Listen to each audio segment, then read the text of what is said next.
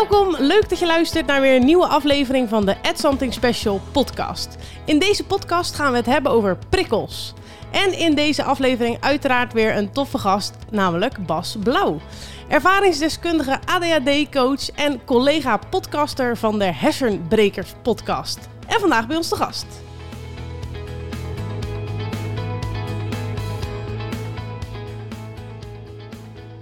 Hey, je weet dat ik Bas Den Blauwen heet, hè? Hou op. ja. Nou, bij deze. Ik zie het nu ook gewoon in mijn schermpje staan. ik vond Bas Blauw al leuk klinken. Maak ik er Ja, gewoon zelf van. Ik dacht Bas Ja. Blauw en Carola de Wit. Dacht ik, dacht dat is wel leuk. Oh ja, ja. Oh, wat een leuke associatie. Ja, hè? Nou ja. Den Blauwen. Ja. Nou, welkom in de podcast. Een goeie, Ja, dankjewel. wel een goede intro, hè? Dat ik gewoon je naam verkeerd zeg. Ja, geweldig, hè? Geweldig. Ja. Weet je, eigenlijk stiekem heb ik net mijn naam aangepast in het schermpje, dus eigenlijk kon ik het niet weten. Ah, oké, oké. dan is dat het. hey, eh, collega podcaster. Voor jou is dit eh, geen eh, vreemd podium. Nee, niet echt. Ja, de locatie is voor mij een beetje anders, maar voor de rest helemaal oké. Ja, vertel eens over je podcast. Ja, ik ben mede podcaster bij de Hersenbrekers podcast, waar we veel ja, podcasten over eh, NLP, zelfontwikkeling en eh, mindset. En hoe je nou je eigen gedrag kan veranderen, maar ook hoe je dat kan sturen, altijd onbewust. En eh, ja, dat is eigenlijk wel heel, heel tof om te doen. Ja, leuk. Leuk. Nou, misschien ook wel gelijk een, een allereerste luistertipje voor deze luisteraars. Mocht je mijn podcast af en toe een beetje zat zijn, dan kan je altijd nog even naar de Hersenbreken podcast op zoek. We gaan het vandaag hebben over prikkels. Ehm, Ja, nou, ik heb dus alweer een verkeerde prikkel, want ik zit nu op mijn scherm te kijken en ik dacht, oh ja, misschien is het dan gewoon ook- leuk dat jij jezelf even voorstelt. Dus misschien kun je jezelf nog even kort introduceren en eventjes vertellen eh, wat je doet in het dagelijks leven. ja nou ja, ik ben eh Bas hè, en ik ben eh 35 inmiddels. De verkeerde kant van de 40. En eh, nou ja, ik, ik heb twee kinderen, een vrouw, ben getrouwd. En eh, ja, wat ik doe in het dagelijks leven. Ik ben ontzettend veel bezig met, met ADHD en, en ADD eigenlijk. En eh, ik ben dus eh, gewoon coach en trainer. En ik eh, ben eigenlijk de hele dag mensen aan het coachen. Dat is eigenlijk wat ik doe. En daarbij doe ik dan inderdaad werken voor hersenbrekers. En ja, dat, is- dat, het is super vet om gewoon met zelfontwikkeling bezig te zijn. En om dat sprankje te zien bij mensen op het moment dat ze ineens iets, iets gewaar worden. Dat ze denken, oh, maar zo kan het ook. Ja, Chill. Ja, dat is super vet. Dus daar haal ik heel veel energie uit. Hey, en ik zei het natuurlijk al, ervaringsdeskundige. Je hebt eh, zelf ook eh, ADHD, hè? Klopt dat? Ja, ja, ja, type 3 hè. Ik weet niet of je de types kent, maar eh, type 3, is dan- dus dat is eigenlijk het, het ge- gecombineerde type. Ja. Dus je kent ze allebei. En ja, ik heb een 24ste heb ik die, die diagnose ooit gehad. Maar ja, toen de tijd was het voor mij gewoon een big deal, big deal dat ik hem binnenkreeg. Die Ja, Ja, dat kan ik me echt als een, een wow, oké, er is niks mis met mij. Ben Ja. je uiteindelijk wel blij dat je een soort van weet en dat je er toen iets mee kon? Ehm, ja. ja, kijk, achteraf gezien denk ik dat een ander pad voor mij handiger had geweest. Maar dat heeft mij wel toegezet ben. En nu ben ik in staat om ja, mensen te helpen met dezelfde ja, shit eigenlijk als die ik toen de tijd ook heb meegemaakt. En dat is wel heel fijn. Ja, en als je dan kijkt naar eh, het gecombineerde type. Ik heb niet heel veel mensen in de podcast eh, gehad die dat hebben. Eh, waar Mhm. hou je eigenlijk, of is misschien een gekke vraag, maar waar hou je meer van? Hou je meer van ADD of hou je meer van ADHD? Ik hou van het tussengebied. Oké, nou lekker dan. Ik denk, er komt er een heel betoog want dat ADD veel beter is of zo, maar nee. Nee, zeker niet. Nee. Nee, weet je, ja, en, ja, ik zal er zo nog wel over vertellen over prikkels, weet je wel. Maar eh, dat, dat gebied ertussenin, dat is waar ik lekker zit. Dan zit ik lekker in de flow. En ja, zit ik eh, in, die, in die ADHD, echt dat hele hyper, zeg maar. Dan ga ik die hyperfocus in en dan zit ik in een soort tunnelvisie. En dan, dat is heel lekker als ik heel veel werk af moet hebben, hoor. Mhm. Natuurlijk. Ehm, en aan de andere kant eh, kan ik ook heel apathisch zijn en dat er niks gebeurt. En ADD, vervelende stuk om het zo maar te zeggen. Ja, Ehm, ja, maar goed, als ik lekker ertussenin blijf zitten, die balans lekker heb, dan dat is voor mij het allerfijnst. ja. Nou ja, we gaan, we gaan er meer over horen. Nou, inderdaad, uh, prikkels. jij maakt zelf natuurlijk een podcast over, wat je net al zei, hersenen. Hoe, hoe werken de prikkels in onze hersenen? Kun je dat uitleggen in mensentaal? Ja, dat is wel grappig, hè? Want ehm, op die manier wordt de vraag heel vaak gesteld: hoe werken prikkels nou eigenlijk? Maar prikkels werken eigenlijk niet. Die doen helemaal niks. Prikkels zijn er gewoon. Het zijn ontzettend veel prikkels. Uh, als, je, als je weet dat we per seconde 4,6 tot 12 miljoen prikkels binnenkrijgen. Wauw. 4,6 tot 12 miljoen prikkels. Ja, laat die maar even inzinken. Het zijn er echt heel veel. Zou je dan ook kunnen zeggen dat een prikkel een waarneming is? Ja, niet per se. Eigenlijk is een prikkel een, een stukje informatie wat je naar je toe geslingerd krijgt. En alles, alle zintuigen die wij hebben, die pikken gewoon informatie op. Dus die pikken daar een heleboel van op. Alles wat je voelt, iedere zenuwuiteinde, uh, alles wat je ziet. Uh, maar ook je gedachten zijn ook gewoon prikkels. En, uh, en alles wat je voelt. Dus, dus er zijn er ontzettend veel. En um, je brein, die gaat ermee aan, aan het werk. Dus die gaat filteren. En op het moment dat je brein aan het filteren is, die bepaalt zeg maar van welke, welke prikkels mogen er wel of niet door. Ja, dus eigenlijk doen die prikkels helemaal niks. Die zijn er gewoon. En je neemt ze ook niet weg. Nee, dus je, je ehm, kan eigenlijk spreken van een soort van onbewuste prikkels en bewuste prikkels. Ja, dat is een hele mooie bewoording. Ja. Dus onbewuste, prik, onbewuste prikkels, die zie, die zie je overal. Als jij uh, naar mij kijkt, dan zie je in je ooghoek misschien wel iets anders staan. Waar je ook iets misschien bewegen en dan gaat je aandacht erheen zo. Maar ja, dat is gewoon een prikkel die je dan krijgt. En um, ons brein is bepaalt eigenlijk met zijn filters van welke prikkels wil ik wel in mijn bewuste doorkrijgen. Um, ja, dat, wat is belangrijk genoeg voor jou, zeg maar, dat je bewust uh, doorkrijgt. Ja, en je, je zegt nu, um, je brein geeft dan door welke prikkels belangrijk zijn en daar gaat je aandacht naartoe. Is dat dan ook uh, het, het, de kern waar het bij een ADD'er of een ADHD'er dan een soort van tussen haakjes misgaat? Dat we zeg maar mm. verkeerde prikkels belangrijk vinden, door, en waardoor we dus zijn afgeleid van wat echt belangrijk is? Ja, als je het zo stelt, zeker. Um, stel, stel, je eens voor, hè? Ik, ik, hoorde net van jou dat je aangaf van ja, ik, ik vind het wel lastig om een boek te lezen. Ja. Nou, dat heb ik dus ook, hè? Als ik een boek ga lezen, dan ben ik in eerste instantie ben ik bezig met, oké, niet afgeleid raken. Mm Maar ja, dat brein van ons kan helemaal geen ontkenning onthouden. Dus die gaat afgeleid raken. Oftewel, die gaat heel tijd met zijn aandacht naar dingen die hem eventueel zouden kunnen afleiden. Waardoor je dus niet meer bezig bent met je boek lezen. Hm. Nou, dus dan ben je al andere prikkels aan het opzoeken dan waar je werkelijk mee bezig wil zijn. Maar waar voornamelijk met ADD is dat er vaak juist te weinig prikkels zijn. En uh, het, het, grappige daarvan is, ik zei net al, ik zit liever in het tussengebied, toch? Van, ja van dat stukje. Nou, als je in dat tussengebied zit, dan noemen we dat flow. Dan zit je lekker in de flow. Dan voel je je lekker, ga je lekker, kun je ook je grenzen voelen en herkennen en dan zit je daar gewoon lekker in.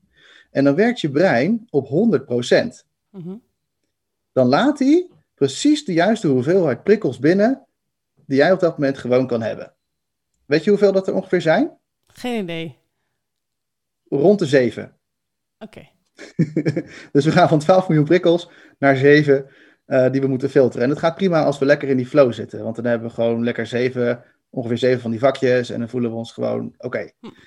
Ehm, en dan werkt ons brein op 100%. Nou, we hebben de mogelijkheid om dat brein een beetje te stretchen. Om daar even wat meer ja, focus in te zetten, wat meer alertheid in te zetten.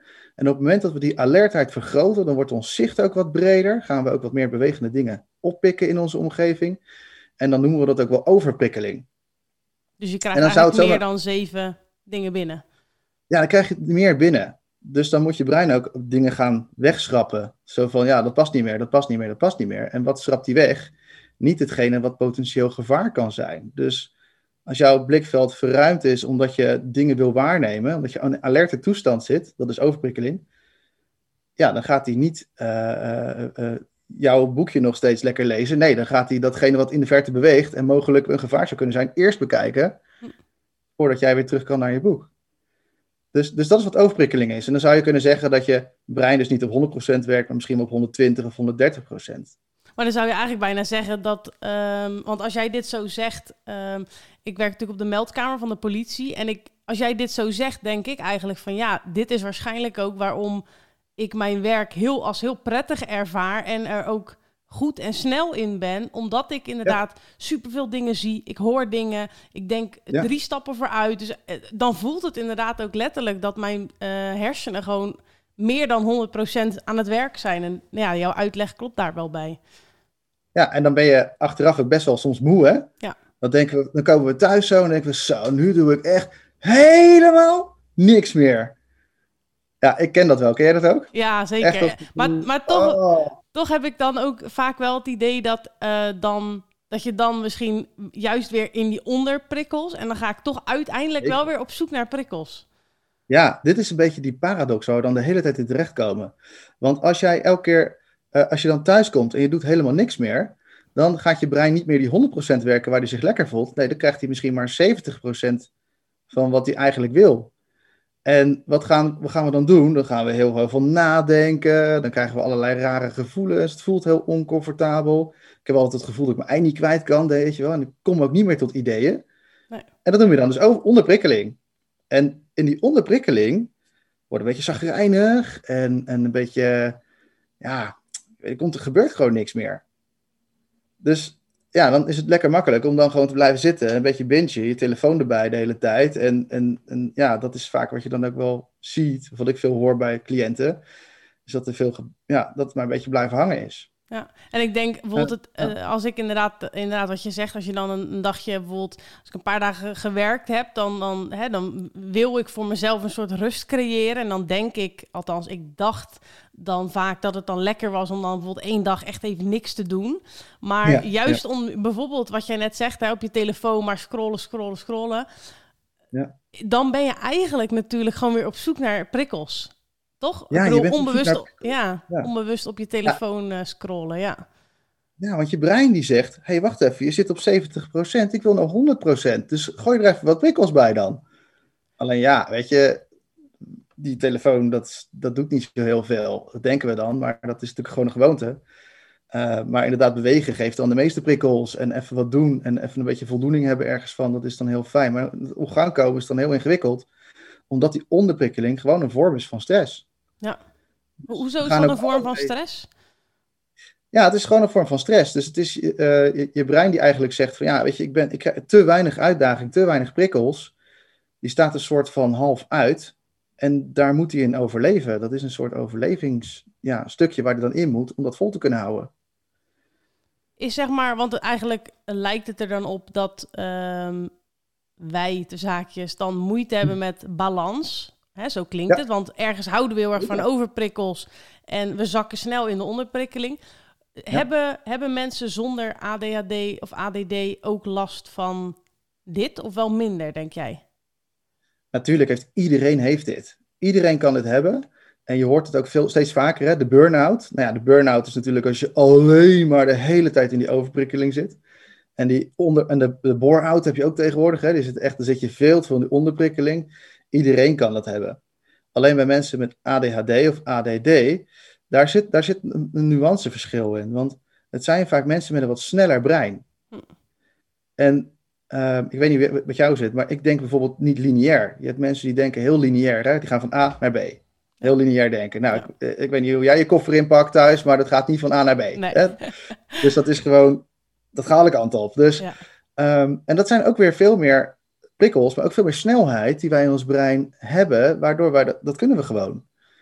Alleen er is ook iets wat ons de hele tijd zegt van ja, we hebben geleerd dat dat niet mag, dat dat niet oké okay is. Dus tegelijkertijd proberen we ons ook aan te passen dat het op een andere manier dus beter zou zijn, op een andere manier okéer zou zijn of zo, dan dat wij het eigenlijk willen doen. Ja, ik... En dat, dat conflict van binnen, ja, dat maakt heel veel ruis en herrie van binnen. En dan zijn we heel de tijd van, ja, dan gaan we snel die overprikkeling in, want dat is ook gewoon een beetje stress eigenlijk. En dan, ja, dan, dan denken we, nou, zo, pff, nou even niks meer hoor, klats, hup, onderprikkeling. En ah, ja, moet prikkels hebben, pats, overprikkeling. Doe je het maar lang genoeg, en dan ben je op een gegeven moment gewoon kwijt waar, waar die balans dan zit, die lekkere flow. Ja. En dat is weer een beetje zoeken, dat is vinden. Ja, ja ik hoor jou net zeggen, hè, van uh, je doet het op een bepaalde manier, maar je hebt ergens ook die stem die dan zegt van nee, maar je moet het zo doen. Uh, ja ik, ik had daar laatst wel met uh, iemand ook al een, een tof gesprek over. Die dan inderdaad ook aangaf uh, met haar eigen. Ik, ik, twijfel dan altijd wie zei dat, en, maar dat, dat doet er allemaal helemaal niet toe. uh, maar die zei inderdaad over haar eigen kind: van, uh, dat je dan bijvoorbeeld, dan kom je op een verjaardag en dan ja. um, is het een soort van maatschappelijk um, gewenst dat een kind dan binnenstapt en meteen iedereen een hand gaat geven. Terwijl ja. een, um, nou ja, volgens mij had haar dochter dan ADHD.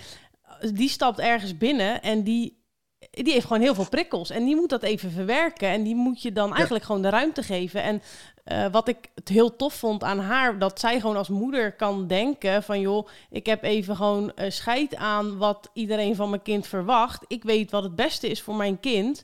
Dus ik laat mijn kind nu even gewoon uh, rondkijken en er ding doen.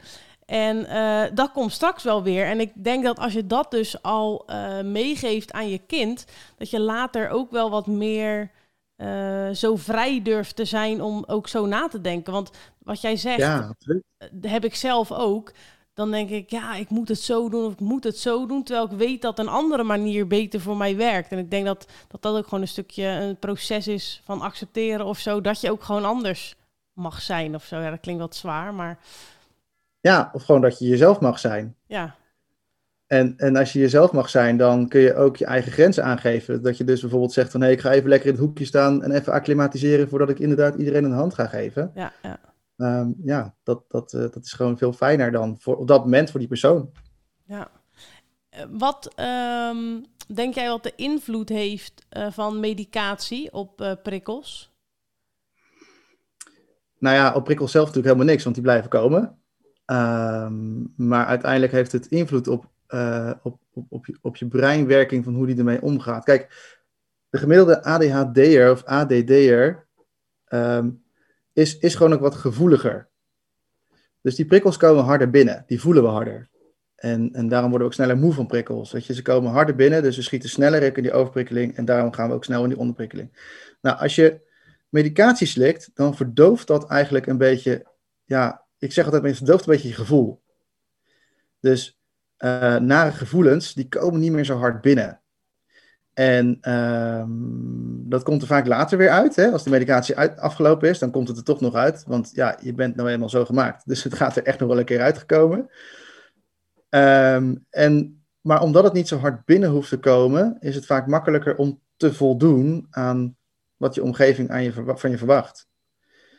Um, en en uh, kunnen prikkels dus ook wat ja, minder heftig binnenkomen, zeg maar. En daarom is het vaak makkelijker om, uh, weet je, ik zie vaak studenten die dan medicatie gaan slikken, uh, omdat ze dan even die studietijd doorkomen. Ja. Vaak zijn ze daarna wel, hebben ze echt zulke wallen en uh, voelen ze zich nou niet helemaal happy. Ja, het, weet je, je moet dan weer een papiertje halen om weer iets anders te mogen, dus gaan ze dat dan maar doen. Um, ja, dus, dus, maar mijn oplossing zou het niet zijn meer, nee. Nee. Nee, want je hebt zelf ook wel medicatie gebruikt, of dat niet? Ja, ik heb het uiteraard geprobeerd. Ik heb het denk ik een, uh, nou ja, toen ik op mijn 24ste die diagnose kreeg, toen heb ik het gelijk geprobeerd. Ik heb twee varianten ook geprobeerd. En uh, het hielp ontzettend goed om nog meer over mijn eigen grenzen te beginnen. Ja, ja bizar hè? ja, dat was eigenlijk wat het was, in de essentie. Toen de tijd was ik er heel blij mee. Want ja, ik kon bereiken wat ik wilde bereiken. Um, achteraf denk ik nu echt, waarom wilde ik dat eigenlijk bereiken. Uh, maar dat waren ook weer die stemmetjes van ja, je hoort dat te bereiken en dat hoor je zo te doen. Ja. Um, en, en, toen ik ermee stopte, toen had ik echt wel serieus even weer iets te leren van, oh ja, hoe werkt dat gevoel ook alweer? En hoe moet ik ook alweer zorgen dat ik niet over mijn grenzen heen ga en accepteren dat mijn grens eigenlijk niet sky high ligt, maar dat, dat ik gewoon een menselijke limiet heb, net als iedereen. Um, en vanaf het moment dat dat gelukt was, was het eigenlijk allemaal helemaal geen probleem meer. Nee. Nou ja, da daarin ben ik zelf ook wel zoekend hoor. Want uh, ik gebruik dan zelf Stratera. En um, ik denk, ik vraag me dan af, dat, ik heb daar geen antwoord op, maar wat dat dan inderdaad voor invloed heeft op je hersenen. Omdat het natuurlijk niet een uh, middel is wat dan ook onder de opiumwet onder andere valt. Um, mm -hmm. En eigenlijk slik ik dat al sinds dat ik uh, een jaar of elf of zo ben. Dus ik, ik ken mezelf ook eigenlijk niet echt zonder die medicatie of zo. En ergens is dat natuurlijk super comfortabel, omdat ik het gewoon voor mijn gevoel eh, nu heel fijn in mijn vel zit en voor altijd zo wil zijn. Maar ja, uiteraard ook wel echt een hele grote nieuwsgierigheid. En zie ik mezelf ook binnenkort wel eens uh, kijken hoe het zonder is. Ja. Nou ja, kijk, het mooie van medicatie is, als je stopt met slikken, dan, dan, dan werkt het niet. Nee. dus ja, weet je, eh, wat let je om het te proberen? Ja.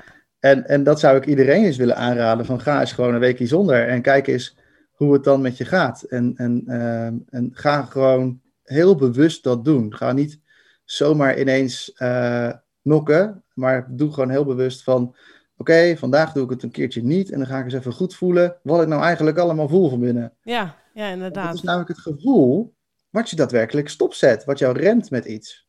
Ja. Het is niet, uh, dat je, je gevoel die, die zegt iets en, en dan denken we, oeh, dat is eng, laten we het niet doen. Stoppen we met voelen en dan gaan we nadenken. Maar als we blijven voelen, kunnen we gewoon in actie blijven. Ja. Um, dus ja, heb je, heb je tips uh, voor onderprikkeling? Dus als je inderdaad uh, misschien nu wel met deze podcast in je oren hangend op de bank uh, je eigen eigenlijk helemaal niet goed voelt en denkt dat je rust aan het pakken bent. Hoe, hoe zou je zeg maar onderprikkeling gewoon op tijd kunnen herkennen en er dan iets tegen doen? Oh ja, hele mooie vraag. Ehm, nou, het begint gewoon met bewustzijn. Weet je, we blijven onbewust steeds in die, in die onderprikkeling hangen. En dat, dat doen we niet bewust. Het is vaak dat we er dan uiteindelijk uit zijn en dan achteraf denken: Hé, uh, wat heb ik eigenlijk allemaal gedaan de hele tijd? Terwijl als jij uh, er op dat moment bewust van kan zijn van: hé, hey, wacht even, dit is onderprikkeling. Dat is al heel lekker, hè? Dan, kan, dan krijg je een keuze. Ja, ja. Dus dat bewuste brein, dat bewuste brein wat wij hebben, dat moet getraind worden in het herkennen. Nou, hoe kan je dat nou doen? En dat is echt een fantastische manier, vind ik zelf. Uh, maar het, als het niet werkt, werkt het niet. Maar probeer het vooral eens. Is, uh, ga jezelf eens op het moment dat je je gewoon oké voelt, hè, ga jezelf dan eens heel bewust in de onderprikkeling zetten. En dat klinkt, klinkt een beetje oncomfortabel, want het is vaak iets waar we heel graag vandaan willen. Mm -hmm. Maar ja, zodra, zolang we er vandaan proberen te rennen, leren we er niet van. Dus zet jezelf eens heel bewust in de onderprikkeling. Ga eens op die bank zitten, zet alle muziek uit, uh, ga helemaal stil en merk gewoon bij jezelf heel erg oké, nu zak ik een beetje, hmm, dit voelt niet zo heel comfortabel, dit voelt niet zo lekker. En als je merkt van oké, nu, nu wordt het echt heel saai, nu heb ik onwijs veel drang om te bewegen of om iets te gaan doen, doe het dan niet en zet vooral eens even één klein prikkeltje erbij. Dus even één klein prikkeltje. Niet meteen de hele berg zoals je nu gewend bent, mm -hmm. maar gewoon zet die radio even heel zachtjes aan. Ga weer zitten en check gewoon, oké, wat, wat doet het nu? En dan doe je dat steeds een prikkeltje erbij. Je kan een kopje thee zetten, je kan uh, de radio iets harder zetten. Hele kleine stapjes. En dan komt er een moment dat je ineens zo in de bank zit en dat je denkt: hé, hey, mijn hoofd wordt weer helder en ik heb weer zin om dingen te doen. Oh ja, bizar zeg. Ja, dat je hem echt een soort van laat afzakken en dan hem langzaam opbouwt en dan tot het ja. besef komt van hé, hey, hier zit ik lekker. Kijk, dat brein is gewoon net een spier. Je kan hem trainen en je kan nieuwe verbindingen aanleggen. Dat kan je gewoon letterlijk doen. Maar als je steeds in datzelfde loopje blijft zitten en weg wil alleen maar van die onderprikkeling, ja, dan, dan blijf je erin hangen en dan blijf je alles onbewust doen. Terwijl als jij heel bewust erin kan gaan zitten en heel kleine stapjes maken, echt hele kleine stapjes, dan gaat hij het daarna ook herkennen over een poosje. Uh, ja, als je er gewoon per ongeluk inschiet. Hé, hey, wacht even, dit is onderprikkeling, ik wil weer uit, wat kan ik doen? Oh ja, even iets kleins. Ja, wat cool. Ja, ga ik wel proberen ben wel benieuwd naar. Kijk het even. Ja, ja. en, en uh, richting overprikkeling, wat, uh, wat, wat, zou je daarin, uh, hoe zou je het daarin kunnen trainen? Exact hetzelfde, maar dan gewoon de andere kant op. dus heb je het nou heel druk. Ik, ik, heb een gezin en ik heb twee kinderen en een vrouw. En iedereen wil wat vertellen. ik heb eentje van vijf en eentje van twee. Die van twee zit alle eten omver te gooien en op de grond en weet ik het allemaal niet. En die, en die oudste die zit te vertellen over dingen waar we af en toe van denken: oh man, uh, ik, ik, kan je echt niet meer volgen. en dan proberen we zelf ook nog iets tegen elkaar te vertellen over de dag, want daar hebben we meestal niet zoveel tijd voor. Dus dat is overprikkeling tot en met.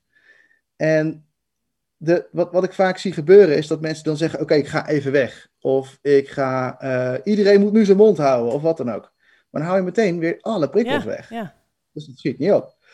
Dus uh, wat je wel kan doen, is even de aandacht gewoon bij jezelf. Hey, wat voel ik nou? Ik zit in de onderprikkeling. Of in de overprikkeling. Ik voel dat.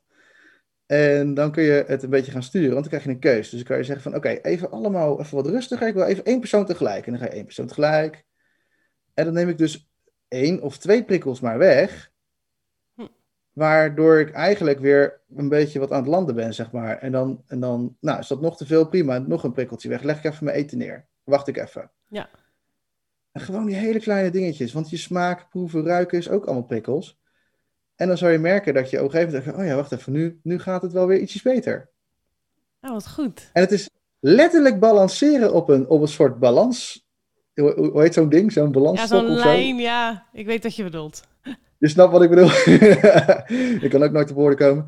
Eh, en dan, ja, als je dat eenmaal, als je daar vaker op die, op die balans, eh, op de balansding loopt, dan wordt je steeds breder, breder, breder, breder, breder. Dan Ja, wordt steeds helderder en duidelijker. Ja, Ja. ja. En dan kan je steeds meer eh, hebben. Ja.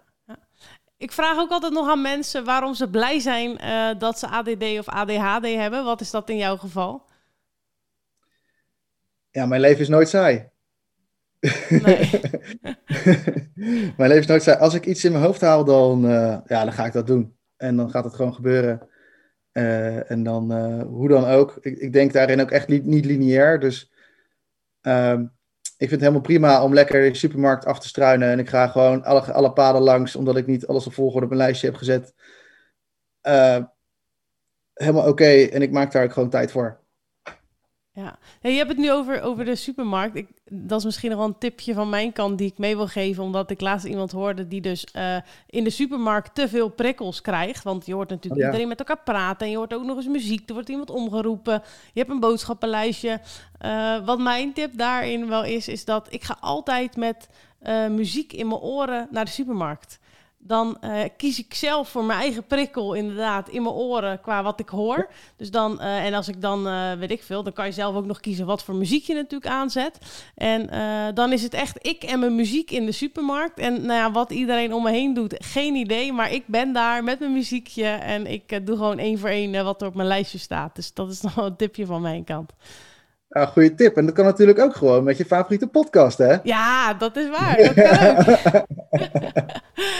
hey, eh, je hebt al superveel tips gegeven. Eh, is er nog eh, iets wat je als laatste aan de luisteraars wil meegeven? Goeie Ik heb zoveel wat ik mee zou willen geven. Dit is ook helemaal mijn ding. Ik vind het fantastisch natuurlijk. Ik zou zeggen, ehm, als tip, ga eens ontdekken hoe vaak je bezig bent met wat je niet wil. Dus eh, ik wil niet in de onderprikkeling zitten, ik wil me niet vervelen, ik wil niet afgeleid raken, ik wil niet dit of ik wil niet dat. En ga, ga, als, je, als je dat doorhebt, dan ga je vanzelf wel nadenken, oké, wat wil ik nou wel? Misschien, misschien is dat wel, wat, doen we echt superveel en uiteindelijk Ja. helpt dat echt niet. Wauw. Ja, ik moet, Ja. hij moet even landen, maar eh, ik, eh, ik ga daar zeker over nadenken. Dankjewel. Alsjeblieft. Bas, hoe kunnen we jou vinden als we nog wat aan je willen vragen? Ja, je kunt mij op twee manieren vinden. Als het gaat over ADHD specifiek, dan eh, mag je mij eh, vinden op www.puurblauw.nl. En blauw is met twee A's ook nog, dus het is een, eh, een hele edele naam. En anders, als je echt wil weten hoe krijg je meer invloed op dat onbewuste gedrag, en er komen dit soort dingen ook aan bod, dan zou je eens kunnen luisteren naar de Hersenbrekers podcast of naar www.hersenbrekers.com. Gaan we zeker doen. Bas, bedankt voor je tijd. Graag gedaan, leuk dat ik er mocht zijn. Oké. Jullie allemaal bedankt voor het luisteren en graag tot de volgende keer.